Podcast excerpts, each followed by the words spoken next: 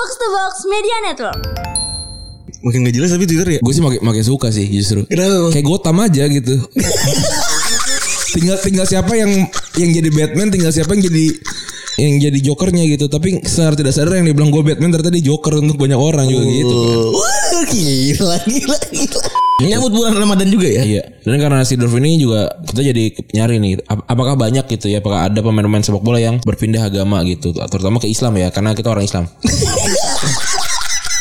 ya maksudnya kalau misalkan ada Podcast Kristen gitu. Iya, Silakan. boleh. Boleh bikin. Enggak apa-apa bener. Iya, Jadi jangan protes gitu. Iya. kan Karena kita bikin podcast bola dan agama kita berdua adalah Islam. itu. Atau kayak kena si Budis bikin yang ke Budis kan boleh juga. Be- Bebas.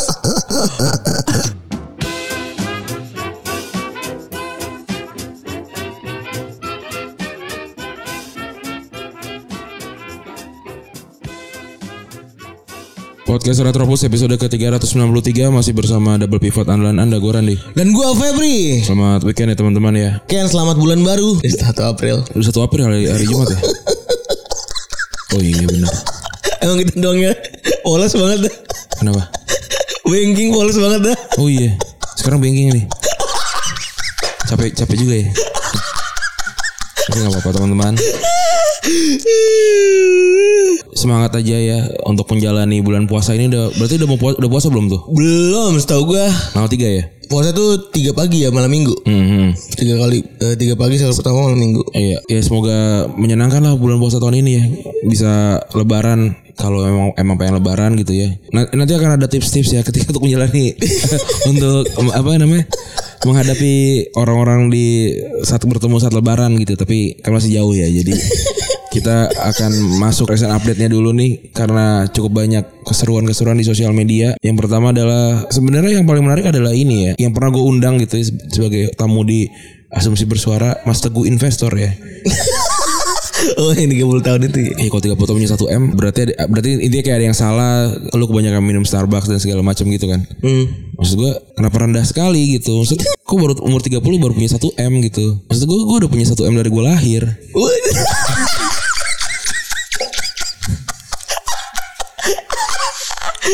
Ini kan cuma soal mindset doang gitu loh. Ngapain lama-lama nunggu 30 tahun gitu ketika bisa kayak dari lahir gitu. Nah, aneh juga. Dibanding harus kerja keras ya. Iyalah ngapain capek tau.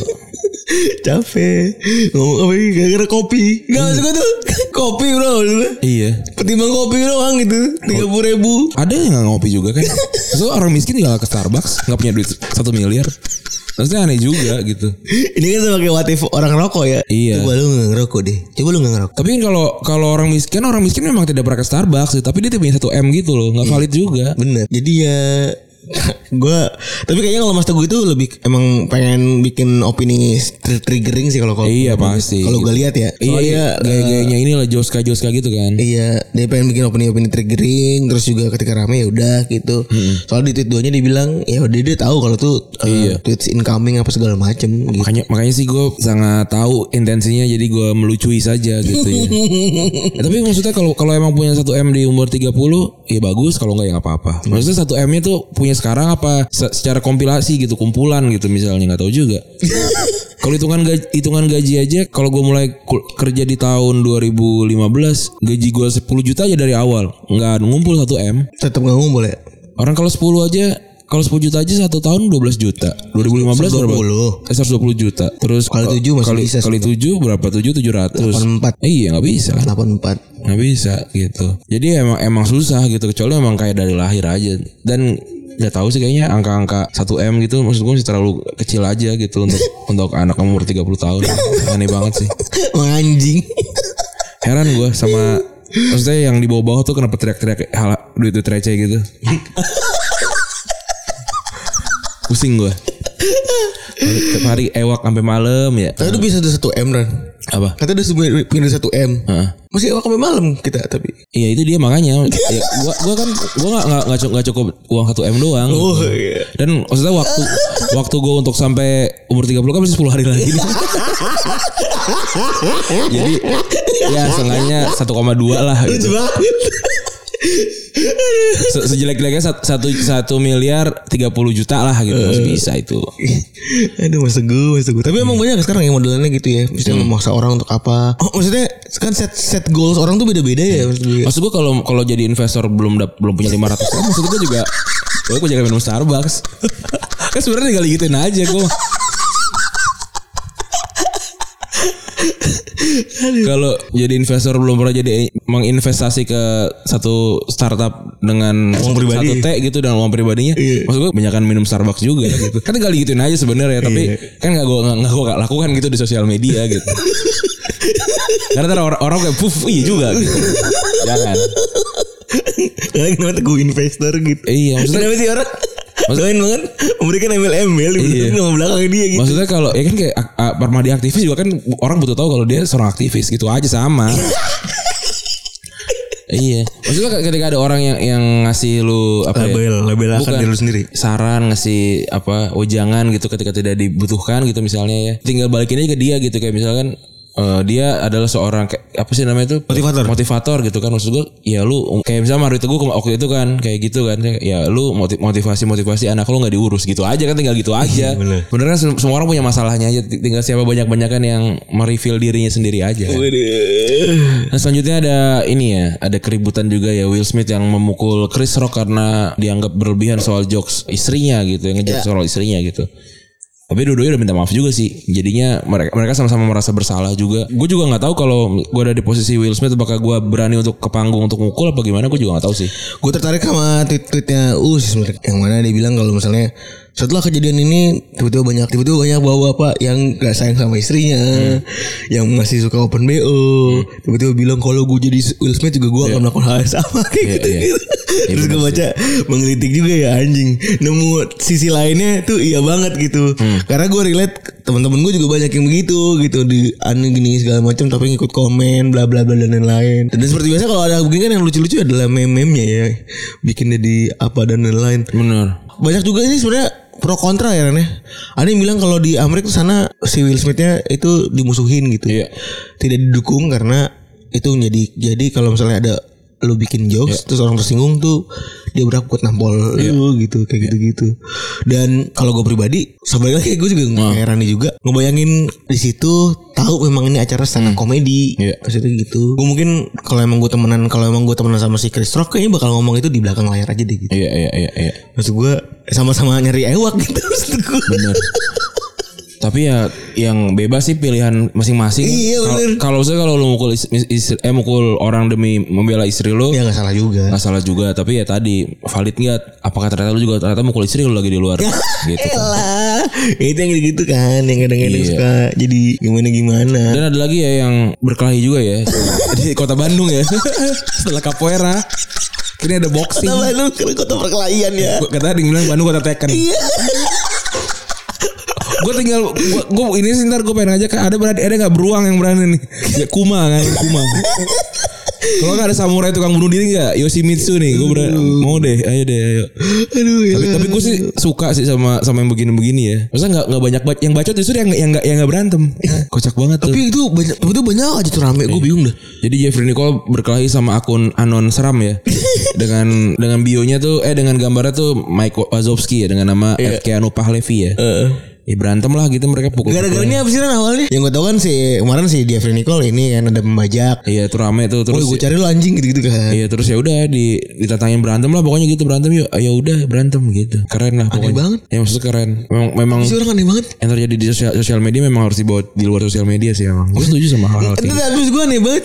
Berantem yuk apa sih gitu. tapi nggak tahu ya gue gue sih kalau diajak tantangin berantem gitu gue mah ayo tapi di bangka ya gue bilang gitu bangka 40 ya dibawa ke kandang Masuk kandang menjangan. iya tapi gue Nggak yang berantem belankan. Su- alias sugeng. banyak banyak banyak ini Banyak malu kalau banyak banyak petarung petarungnya kayak gladiator gladiator gue kan the master yang kayak di itu yang kayak yang kayak di Marvel gitu kan gue gue gue punya banyak championship gitu.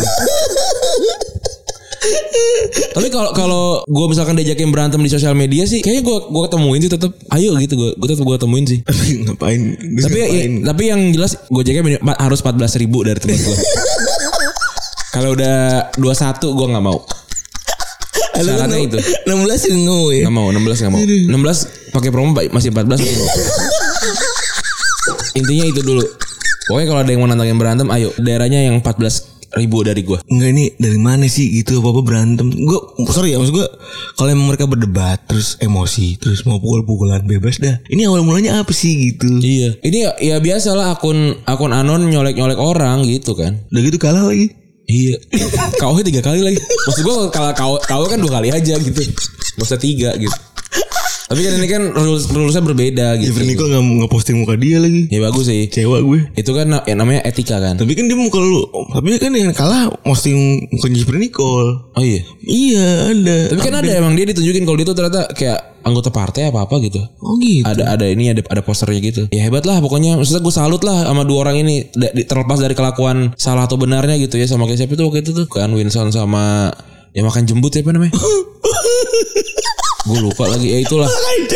Itu, itu kan juga itu kan pukul-pukulan iya gue lo yang gaming kan? Iya. Itu udah gaming. Yang yang doci tapi waktu masih beta gitu kan? Iya. iya iya. Aduh, youtuber makan game makan jembut. Ada-ada aja youtuber, youtubernya nafkah gitu banget bro. gue bersyukur sih gue lahir di 90 90-an awal sih Iya. Sekarang gue udah 30 udah gue gue gue nggak perlu nggak gue udah mau 30 gue nggak perlu ngurus-ngurusin hal-hal kayak gitu sih. Umur-umur 20-an sekarang gue juga kan pengen banyak eksplorasi ya. I- iya mungkin Punya akun Twitter dengan nama-nama makanan-makanan manis. ada nama-nama unmagnetism. iya, gue pengen sih. Eh, Tapi kalau gue unmagnetism. Maksudnya kan kalau gue kalau gue udah 30 terus masih pakai nama kayak gitu aneh juga gitu. Tapi kan kita tetap respect apa pun yang dilakukan sama orang di sosial media ya. Mau pakai nama-nama aneh, mau jadi akun nama seram nggak apa-apa. makanan manis apa ya kalau boleh tahu nih. Ya, ya, pok- pokoknya kan nama- nama-namanya selalu gitu kan yang kayak es teh leci gitu-gitu ya kan atau kayak atau kayak nama nama-nama yang random kayak Indomie goreng gitu. Gitu kan banyak banget kan akun-akun anon gitu kan. Yang tiba-tiba nama-nama aneh pas posting foto seksi gitu-gitu kan. Banyak kan yang kayak gitu-gitu. iya lagi. Makin gak jelas tapi Twitter ya. Gue sih makin makin suka sih justru. Kenapa? Kayak Gotham aja gitu. tinggal tinggal siapa yang yang jadi Batman, tinggal siapa yang jadi yang jadi jokernya gitu. Tapi secara tidak sadar yang dibilang gue Batman ternyata dia joker untuk banyak orang juga gitu kan. Gila gila gila. Nah kalau kalau kalau kita tuh penguin terus kita Carmen Falcon yang cuma tepuk tangan eh berantem. suka gue yang kayak gitu gitu tuh. Gue suka melihat pertu- pertumpahan darah tidak penting. Kita kan ngais-ngais aja tuh. Tapi, eh. tapi yang si dulu capoeira tuh Isaac itu lawan si ini Halehu Helie. Oh Haleluya ya, bukan Hans ya. Bukan. Haleluya. Kalau Hans- Haleluya. Halehu Helie. Kalau Hans kan nggak nggak pernah berantem dia. Itu cuma emang fighting aja kan ya. Iya dia kan posting-posting dia ini kan apa Brazilian Jiu Jitsu gitu kan. Oh, Berarti sih itu penting sih kayaknya kita kita perlu juga gue perlu sih kayaknya gue mau ikutan Ya kan ada kelasnya juga di fitness lo ini. ah enggak gue pengen ini aja pengen yang lain ah gue pengen muay thai yang beneran gitu Oh. Jadi sengaja gue punya banking foto ketika gue latihan aja jadi ntar jadi kalau datangin. jadi kalau ntar datang eh nanti Randy punya basic muay thai padahal cuma dua, dua kali visit itu pun ngambil gratisan. iya itu pun cuma try doang udah kita ngomongin bola aja lah Aduh, geli banget, geli banget, geli banget. Geli. Jadi hari ini kita rekaman hari ini ada yang berulang tahun ya Iya, lihat itu Clarence Seedorf. Iya, Clarence Sidorf. Kalau kata Coach Jasin pa- panggilannya Sidorf, tapi gue susah nyebutnya juga. Nggak nggak nggak familiar. Seedorf. Sidorf. Itu kayaknya penyebutan buat orang kampung di kita ya. Enggak, kalau sih kan Sidop. Sidorf. Sidorf. Sidorf. Iya. Pokoknya di tengah adunya sama David aja mungkin. Iya, Edgar Davis ya. Iya. Dan Sidorf. dia sudah memutuskan untuk berpindah agama jadi mualaf ya. Betul. Dan dia bilang waktu itu di sosial media dia bilang terima kasih khusus untuk semua pesan baik dan perayaan ketika saya bergabung de- dengan keluarga muslim. Dia juga menyebutkan kalau dia dapat pelajaran tentang makna Islam dari istrinya si Sofia ya. Dia bilang gue sangat senang bisa bergabung dengan saudara saya di seluruh dunia terutama Sofia tersayang mengajar saya lebih dalam ten- tentang makna Islam. Dan dia bilang kalau dirinya nggak akan ganti nama gitu, tetap jadi Clarence Seedorf aja karena udah tua juga kali ya gitu ya. Susah juga. Satu enggak bingung bikin bubur merah putih siapa undang Bener, siapa. iya. Bubur merah, bubur i, coklat sih sebenarnya. itu. saya nggak akan ngubah nama saya dan akan tetap membawa apa yang sudah diberikan oleh orang tua saya, Clarence Seedorf. Oke. Menyambut bulan Ramadan juga ya. Iya. Dan karena Seedorf ini juga kita jadi nyari nih, ap- apakah banyak gitu ya, apakah ada pemain-pemain sepak bola yang berpindah agama gitu, terutama ke Islam ya, karena kita orang Islam. Ya maksudnya kalau misalkan ada Podcast Kristen gitu. Iya, Silakan. boleh. Boleh bikin. Enggak apa-apa bener. Iya, Jadi jangan protes gitu. Iya, kan karena kita bikin podcast bola dan agama kita berdua adalah Islam. gitu. Atau kayak Crazy Buddhis bikin yang ke Buddhis kan boleh juga. Bebas. Ada yang ada yang memutuskan untuk jadi jadi apa tuh namanya? Agnostik kan? Ya bebas aja bikin gitu. Tapi karena kita di KTP Islam ya walaupun Iya. sholat mungkin juga jarang. Iya, Tapi sepakat tuh. Iya, Ini Islam. adalah my body my authority ini. Iya. My, my KTP my authority juga Iya, gitu. udah gitu. Jadi balik lagi tolong banget. Ini pindah agama tapi semuanya Islam semua. Ya kan tetap pindah. Kan kita Islam gitu. gitu. Gue udah tahu banget. Yang gini-gini bakal digoreng. Gue tuh, gue tuh tahu nih. Ini ada lobang nih. Tapi gue penasaran nih Mau dibikin lucu apa ya gitu. Gue tuh menunggu-nunggu momen ini sebenarnya. Nah, yang pertama ada Nicholas Anelka ya. Dia pindah kabarnya karena mendapatkan diskriminasi waktu di masa kecilnya. Dia pindah agama dari Kristen menjadi Islam dan pindah karena merasa merasa dekat sama lingkungan Muslim dan mereka merasa bahwa di- Muslim di sekitarnya selalu dapat diskriminasi nih dan dia pengen dapat memberikan sesuatu yang berbeda gitu. Nah di Perancis nih Aljazair punya eh, Anel- Anelka punya banyak teman Muslim kebanyakan dari imigran Aljazair. Nah dari sini dia mulai kenal Islam. Ini mungkin yang kayak teman-teman pada ngaji pada ke masjid kayak "Ih, seru juga nih akhirnya di- dikasih so, dikasih sarung kali ya akhirnya dia mulai nih deket ngobrol-ngobrol oh Ada ternyata gini Ada yang Kristen nih Ada. Ngaji. Ada ada yang ikut ikut ikut teraweh ada gitu-gitu ada ada slow aja maksudnya kalau kalau kalau itu kan pilihannya dia kan kita tidak mau maksa juga Nah tapi kasihan ya tapi kan gue juga pernah ke gereja jadi impas aja Oh, enggak maksudnya kasihannya tuh ini bulan Ramadan tuh kalau yang udah tua sih udah ngerasain maksudnya kayak ya udah kan soalnya yang makin tua kan makin gak puasa Iya, iya kan. Iya kan jadi ya udah aja. Kalau kecil kan maksudnya FOMO gitu, FOMO banget pasti. Teman-temannya pada ke mana dia nggak ikut, nggak bisa ikut di rumah aja gitu-gitu. Iya. Keseruannya kehilangan keseruan selama sebulan itu. Bener, pasti. tapi di, di daerah gue tuh emang kebanyakan sih apa namanya muslim gitu ya. Jadi dikit tuh yang kayak gitu. Apalagi gue sekolah dari SD kan Islam kan. Jadi teman-teman gue kebanyakan Islam. Ada ada juga satu yang Kristen gitu. Tapi kayaknya slow-slow aja gitu dan pernah berantem-berantem soal-soal gitu. Paling ya paling bicara-bercandaan ini kan, bicara-bercandaan ngata-ngatain Tuhan aja kan. tapi kan konteksnya jokes kan. Iya, nggak usah nggak usah nanya lah rumah gue kayak gimana jangannya. Iya. Nggak baik, nggak baik. Kalau ngomongin soal keratan Islam di rumah gue, Iya. isinya kurang baik. Tapi kalau kayak ngatain agama teman sendiri kalau emang cuma di circle menurut gue nggak apa-apa gitu loh cuma coba buat bercanda-bercanda. Kita menurut gue apa, sih ngatain Kristen lo dasar gitu. Iya.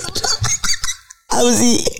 Tapi mungkin itu kan jadi ini kan, jadi pupuk kan ketika ntar udah besar jadi wah udah terbiasa. Kiranya itu nggak masalah. Ya mungkin memang nggak masalah untuk beberapa circle ya. Nah, susah juga kan untuk menyamakan. Betul. Apalagi kalau kayak kayak kita Bekasi terus ke Jakarta yang yang dari dulu tidak begitu kan. Kitanya yang harus ini kan harus mawas kan. Jangan bilang "Ah, di, kota- di tempat gua boleh kok gitu ya. Salah lu juga kalau kayak gitu. gue banget gue inget nih kapan tiga anak SD gue salah satunya nih gue ada orang Buddha yang mana enam bulan kemudian nih orang pindah nih setelah percakapan ini? Terus ada satu lagi temen gue orang Kristen terus lagi ada eh, tiba-tiba ada orang gue tiba-tiba bacot. Hmm. Oh dasar Tuhan lu no ngegantung gitu gitu kan terus gitu. Terus ini orang bukan ngatain gue lagi nggak apa-apa Tuhan mau ngegantung daripada Tuhan dia duduk. Sama sama senderan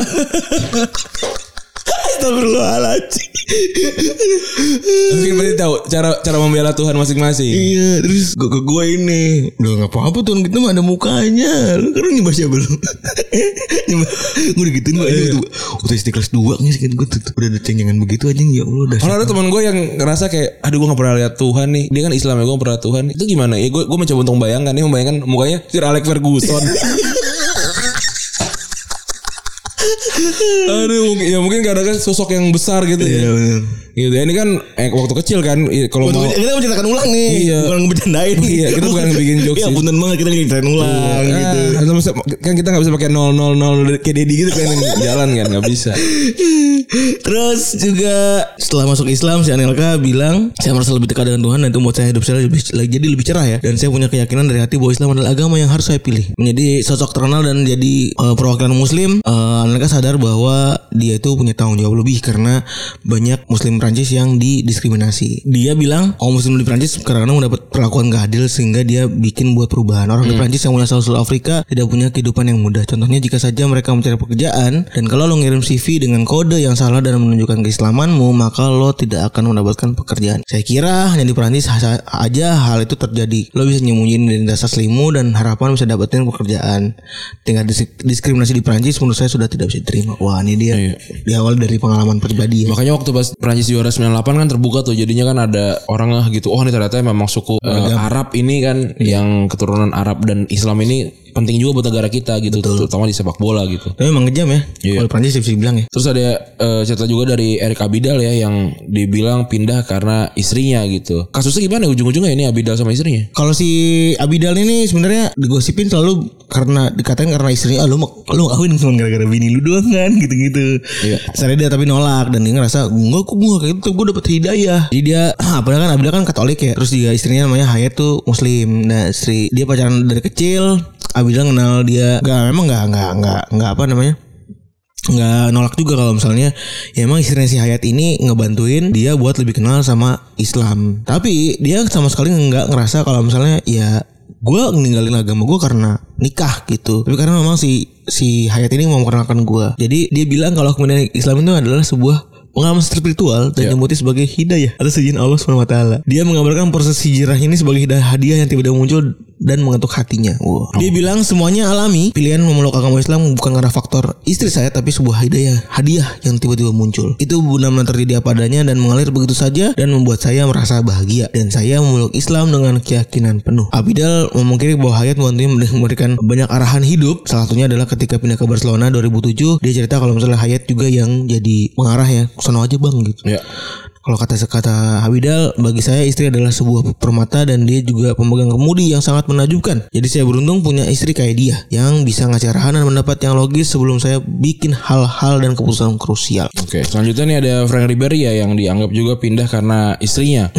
Dia dia mualaf tahun 2015 digosipin pindah karena istrinya. Ribery bilang kalau sebenarnya ini adalah bentuk dari perjalanan spiritualnya dia gitu. Ribery ternyata menyimpan sebuah kenangan karena tinggal selama satu minggu di Aljazair pada musim panas 2006. Ribery bilang kalau dirinya nggak bisa lupain banyak banget sambutan hangat dan persahabatan dan persaudaraan yang diberikan sama orang-orang dari Aljazair gitu ya. Dia ngerasa kalau di sana tuh kayak rumahnya sendiri gitu. Dan Ribery berterima kasih banget sama ucapan penyambutan gitu dari kota Oran di sana ya. Disambut oleh PP Aldair. Iya bener Dan sepak bola nggak tahu lagi nama Eh apa Aljazair ada kota P pasti Tapi gue males nyarinya sih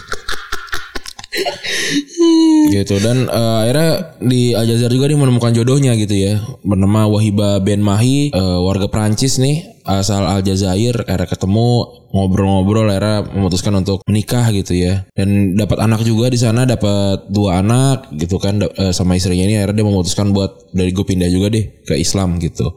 Dan ganti nama jadi Bilal ya. Bilal. gitu walaupun sempat juga waktu mualaf nih ada kasus juga kan soal ini kan soal dia katanya pelacur di bawah umur kan ada, ada cerita itu kan Betul. gitu dan ya itu mah dosa ya gitu ya kalau memang itu benar ya dosa gitu nggak oh dulu kata Islam ya maksudnya tidak merubah fakta kalau dia Islam gitu Betul. loh kita kita ceritain faktanya dia Islam aja gitu bukan soal dia maksudnya. Saya kalau gue ngelis dosa orang kan nanti orang ngelis dosa gue juga gitu Lu aja ya. Nah, Jago. jago gue kayak gini-gini nih. Nah, di sanalah juga eh, Ribery waktu Islam ini ya, eh, waktu sudah menjalani eh, agamanya dia ngerasa kalau harus dikeluarin nih, harus dikasih tahu nih di di sepak bola gitu, ditunjukin gitu. Waktu kayak dia nolak segala macam hal yang dilarang sama Islam kok dipakai gitu ya. Terus juga dilarang eh dia nggak marah-marah gitu waktu disiram air keras ya. Iya, Mak. Panas lah.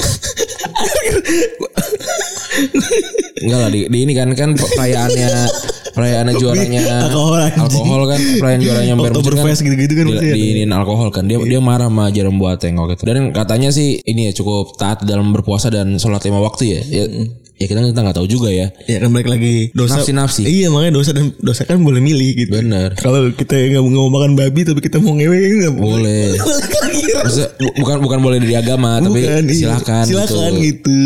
Who am I to judge kan Iya. gitu. Dan kenapa orang nggak boleh milih dosanya masing-masing sih? Gitu. Bener. Ada yang wah ini Pogba Islam tapi suka jo- joget ya mau hubungannya? Islam tapi suka Ya joke. kan dia kan itu kan wah, emang dikira di- dikira yang nggak gua nggak tahu boleh apa enggak tapi kan maksudnya bukan itu juga ya. Terus kan susah juga kalau yang sangat santun kayak Kante gitu kan jarang juga bahkan di Islam Indonesia gitu. iya. susah. Enggak usah nyari kantin di Indonesia juga jarang kayaknya gitu. Jarang. Orang kaya kalau nggak tengah kan maksud gue i- i- muslim kaya kalau nggak tengah kan gila-gila sedekah gitu. Iya. ada ada ada aja gitu maksudnya dan nggak kayak gitu. Terus juga kalau Pogba punya pengalaman itu dia nyari tahu Islam dengan nanya-nanya ke teman sendiri ya. Hmm. Dia lahirnya bukan muslim walaupun emaknya itu orang Islam. Jadi dia bilang Islam tuh ngasih pencerahan dalam perjalanan hidupnya. Dan dia kenal Islam lebih lebih dalam tuh bukan dari sang eh, bukan dari ibunya ya. Dan dia bilang kalau misalnya dia tuh malah nyari-nyari ke beberapa teman-temannya yang mungkin pergaulan-pergaulan ini kali ya eh, di Prancis kali ya, yang mana para para pemain berkulit hitam gitu-gitu kan banyak yang muslim ya. Dia cerita kalau misalnya ini adalah perubahan yang bagus nih di kehidupan gua dan gue juga karena gue juga ngelar sebagai muslim walaupun ibu gua adalah muslim. Tapi ya thank you lah waktu itu ini ketika dia eh, pindah ya dia dia ceritain. Terus dia bilang kalau dia itu sering banget diskusi dan nanya ke teman-temannya dan riset mendalam sebelum dia memutusin mutusin buat jadi apa namanya jadi seorang muslim. Jadi semua berawal karena gue punya banyak teman muslim dan gue selalu eh, dan gue di dan teman-teman gue selalu berbintang berbincang dan gue tuh selalu mempertanyakan banyak hal di dalam diri gue. Lalu gue bikin sebuah riset lah dan pernah gue beribadah dengan eh, teman-teman gue dan gue ngerasain sesuatu yang berbeda. Hmm. Ya iya kan tadi tadinya beda agama. ya mungkin dalam hati kali. iya. Terus abis itu gue nerusin aja udah. Eh, Abis itu uh, sholat mau sahadat dulu kali ya ini kayaknya kurang kali nih. Iya, Mas Pogba nih asli ceritanya belum. Tapi kalau sholat lima waktu kan berarti dia sadar. Oh kan? iya ding bener gue lupa. Dan anda harus sholat lima waktu tiap hari. Itu adalah satu salah satu rukun Islam. Dan mengapa anda melakukan itu adalah anda memohon ampun dan bersyukur atas semua hal yang telah dia miliki. Wah Makanya dia sering banget tuh kan umroh gitu-gitu kan sering banget ada gambar itu. Dan gara-gara dia masuk Islam dia juga punya pandangan lain terhadap Islam terutama soal terorisme dan lain-lain tuh dia akhirnya nggak setuju. Iya. Tapi lu pernah nggak denger cerita teman-teman lu yang Gue ada nggak temen gue mualaf ya. Ada tapi gue nggak nggak akrab akrab banget sih. Tapi dia kayak emang udah udah tertarik dari lama gitu. Oh temen gue ada satu random, random banget, Hmm. random bener. Keluarga Katolik, ibunya Islam. Iya. Terus? Jadi nikah beda agama gitu lah. Tapi dia besar Katolik gitu lah, sekolah Katolik dan lain-lain. Terus tiba-tiba dia duduk, dia lagi capek, duduk di masjid. Yang orang pada sholat, mukanya pada seger-seger banget. Iya. Terus dia nyari tahu masuk Islam. Ini kan hidayah gitu ya hebat Iya. ya. Terus gue aran aran banget lu kata gue. Iya. duduk. Akhirnya lu ngapain anjing duduk di masjid gue gitu. Kan maksudnya kan ini Ini tempat ngadem gitu kan. iya cukup dibuka untuk umum juga kan. Iya bener. Ada lagi cerita Ade Bayor nih. Eh, yang bilang kalau misalnya Islam tuh ngilangin masalah dalam hidupnya kenapa dan kenapa dia cabut ke eh, dan kenapa dia pindah ke Islam. Dia dia ngucapin kalimat syahadat di video dan dia upload di Telegram tahun eh, tahun 2015. Iya. Dan kehidupannya yang keras luar dan dalam ya walaupun dengan kondisi lingkungan yang dari kecil segala macam dia sempat update dan ngerasa frustasi dan update status di Facebook karena dia punya masalah ternyata satu satu adanya tuh suka nyolongnya Iya kalau ini. suka nyolong barang-barang miliknya kayak jersey Park Vivinfo, jersey Zinedine Zidane, hingga kalung 25 ribu euro. Bangsa juga nih adanya nih. Ya, cerita saya telah menyimpan cerita-cerita ini untuk waktu yang lama, tapi saya pikir hal ini perlu perlu dibagi dengan kalian. Memang benar urusan keluarga mesti dipecahkan secara internal dan tidak di depan umum. Tapi saya melakukan ini agar semua keluarga dapat belajar dari apa yang terjadi terhadap saya. Wah, gila. Ada lagi saudaranya yang suka minta duit sama dia. Iya. Emang gitu kan pengge apa pengeretan pengeretan Kalau pemadat apa sih? Pemadat tuh ini tukang pakai narkoba Pemadat. Ini anjing, anjing juga dia tahu tahu jersey mahal mahal lagi ya anjing juga nih Terus yang membuat dia kan designers generation kali dan dia merasa kalau misalnya gue gara-gara ini mungkin gue nggak bakal sulit sulit untuk berkembang kali. kalau dia bisa open PO jersey tanda tangan ada Bayor gitu ya, atau teman-teman ada Bayor kan bisa tuh ya Bisa benar.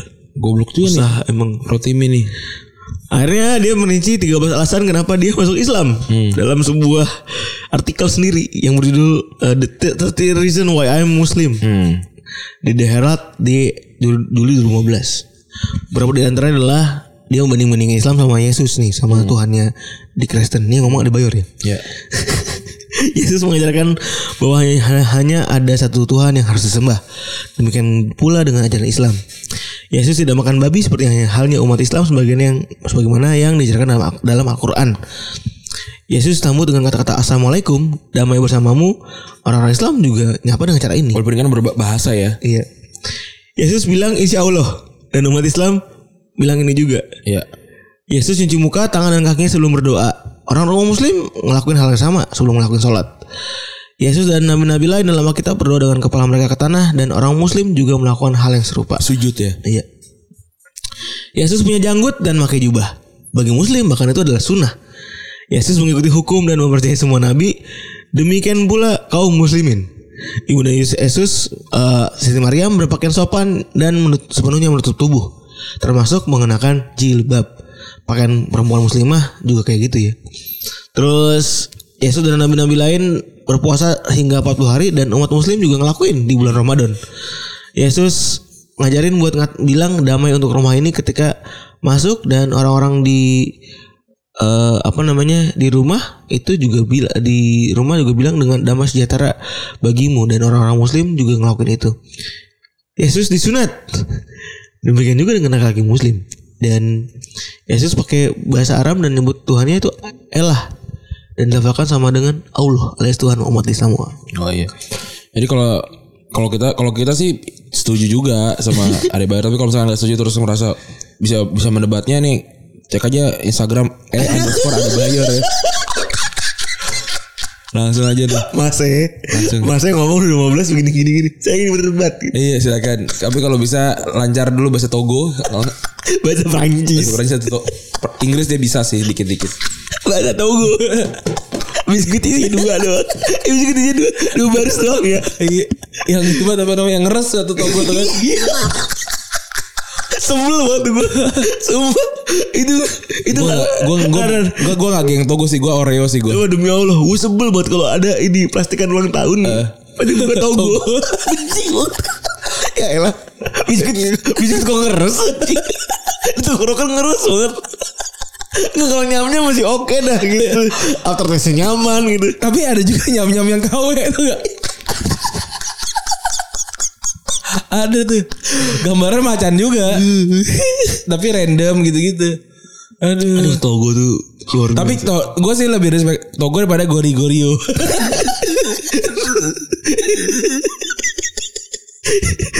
gue mending gue lebih seneng ini dapat ciki komo dah kadang-kadang. Ko- Kamu udah jarang tuh ya? Udah gak pernah ada kayaknya. Sekarang beli bal-balan. Cuma tuh hal paling benci kalau tiap kali bungkus ulang tahun tuh adalah Biskuit Togo anjing kenapa lu beli ini sih bangsat? Oreo aja dah gitu please banget. Kalau nggak nyam-nyam juga kan murah gitu. Sebel banget kok gitu. Ingat itu sebel gitu. Putih. Kayak jersey Peru nih. Iya. Bungkusnya putih. Ya Allah.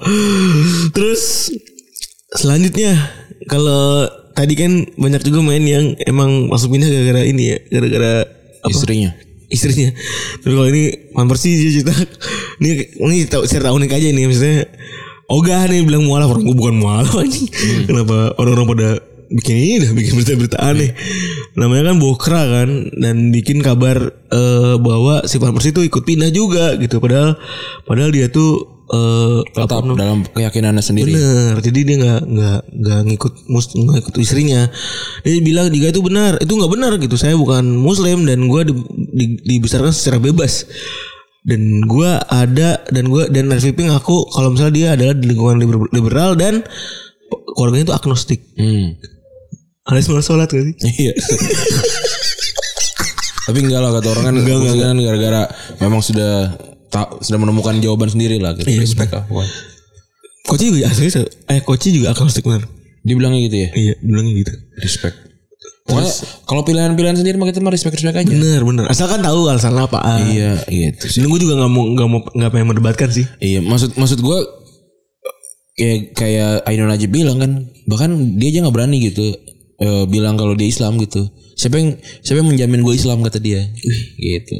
Iya iya. Kan yang, yang punya agamanya Tuhan ya, Allah, Allah gitu. Kan kita bilang kita muslim gitu kata dia. Silakan kalau berdebat ada kan ini juga. Ma iya. Silakan. Seru ya. Apa? Orang kan banyak kecemplung di agama ya. Iya. Kita mesti sering-sering baca, sering-sering nonton aja udah. Iya udah. Sit, sit. Jadi jadi banyak banyak tahu perspektif aja. Kadang kan kan yang kita lakukan belum tentu benar gitu ya. Yang yang pernah kita pelajari juga sebelumnya mungkin belum tentu benar. Jadi belajar lagi. Oh ternyata yang yang kemarin lebih benar deh. Balik lagi gitu kan. Terus juga Joshua yang bolak balik ke Islam ya ke Kristen Islam Kristen ya. Hmm. Lahir tahun 66 Terakhir Kristen Protestan tahun 89 dia pindah jadi mualaf alias berarti umurnya 23 ya. Terus 10 tahun jadi muslim ya tiba-tiba balik lagi jadi Kristen Protestan walaupun nggak ada ini ya nggak ada bolak-balik ceritanya dari dua agama tersebut setelah gue cari-cari juga ya. Tapi dia cuma ngasih keterangan singkat dan bilang kalau saya cuma seorang saya seorang Kristen sekarang tapi saya mempraktikkan Islam selama 10 tahun sebelum pindah ke Kristen lagi. Itu di 2001. Hmm. Dan satu hal yang saya tahu adalah bahwa dunia harus damai, tidak baik bagi muslim dan Kristen untuk berperang satu sama lain. Ya benar Pak kalau perang. Iya. Kita adalah satu orang dan tidak perlu membunuh satu sama lain. Saya berdoa untuk perdamaian untuk semua orang, untuk muslim dan Kristen. Untuk warna hitam, putih, hijau, kuning dan coklat. Eh, kalau kuning itu coklat, coklat oh warna kulit ya. Hijau tapi apa? Liber- Liberia tuh benderanya apa ya? Hijau ya? Enggak. Orang-orang itu kayaknya. Iya, Liberia kan kayak Amerika gitu kan bender- benderanya. Heeh. Oke, selanjutnya nih terakhir nih ada Christian Gonzalez ya. Pada tahun 2013 dia memutuskan untuk jadi mualaf. Gonzalez 2003, akhirnya- eh 2003 dia menjadi mualaf. Eh ini suami Eva ya, bini ya namanya. Eva. Eva Gonzalez. Eva Gonzales. Awalnya dia seorang Katolik yang taat, eh, meski gitu dia merasa dapat hidayah karena dia di, tinggal di Indonesia juga mungkin kan berinteraksi sama banyak orang gitu ya. Jadi dia memutuskan kayaknya gue pindah ke agama Islam deh gitu dan dia nggak justru dia nggak pindah langsung gitu ya karena dia udah nikah di tahun 95 waktu itu. Dan eh, dia pindah agama karena dia ngerasa waktu itu eh, udah saatnya nih gitu. Karena di dekat mes- mesnya PSM waktu dia main di PSM ada masjid dia sudah dengar azan awalnya dia pikir itu orang nyanyi gitu. Terus dia mulai tanya ini apa sih sebenarnya? gitu. Terus setiap subuh eh, walaupun dia nggak ikutan sholat gitu Gonzales bangun terus dia ngeliat istrinya wudhu sholat eh, pakai mukena putih gitu. Terus kata Gonzales eh kata ini kata bini ya. Bini cerita. mengutip tentang Gonzales dia bilang Islam itu suci banget gitu sebelum menghadap Allah kita harus wudhu pakai mukena kalau dia ke gereja biasanya pakai baju biasa aja gitu salah dia sebenarnya Orang orang bagus gereja rapi rapi. Nggak boleh berantakan. Iya. Itulah yang membuat Chris, Christian Gonzalez akhirnya tertarik. Nah cerita ini apa namanya? Yang paling lucu adalah ketika dia eh, udah Islam gitu ya, dia, dia sering lupa waktu puasa malah minum kopi. lucu juga sih. Enggak. Jangan abang yang mualaf bang. Iya. Teman-teman kita juga banyak. Ya. Oke, gitu kali ya untuk episode kali ini nih. Jadi panjang lagi nih hari ini nih. Berapa sih? Oh satu. Oke, makasih teman-teman yang sudah mendengarkan episode kali ini. Eh, jangan lupa selamat eh jangan, jangan lupa untuk selalu berpuasa kalau memang ingin berpuasa. Kalau tidak ya tidak nggak apa-apa. Betul. Terus kalau memang eh wartegnya digordengin boleh, kalau enggak ya nggak apa-apa juga gitu. Terus tapi nggak usah minta-minta memaksa untuk orang ngegordengin ininya lah wartegnya karena nggak ada challenge-nya juga nanti.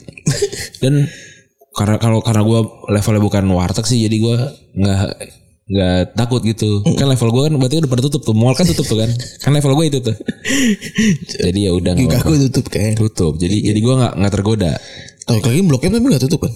kan jauh dari gue Oh iya nih. Dekat sih 14 ribu juga Tapi enggak Blok M dulu 14 ribu men. 14 ribu lah Anjing. Lah gue mah Tempat gue emang, emang mantep banget Anjing tuh enak banget berarti mamang ya. Iya ya udah kita gak usah ngomongin mampang Karena masih banyak minion di sana Gue orang dicabut Gue juga tahu. Bye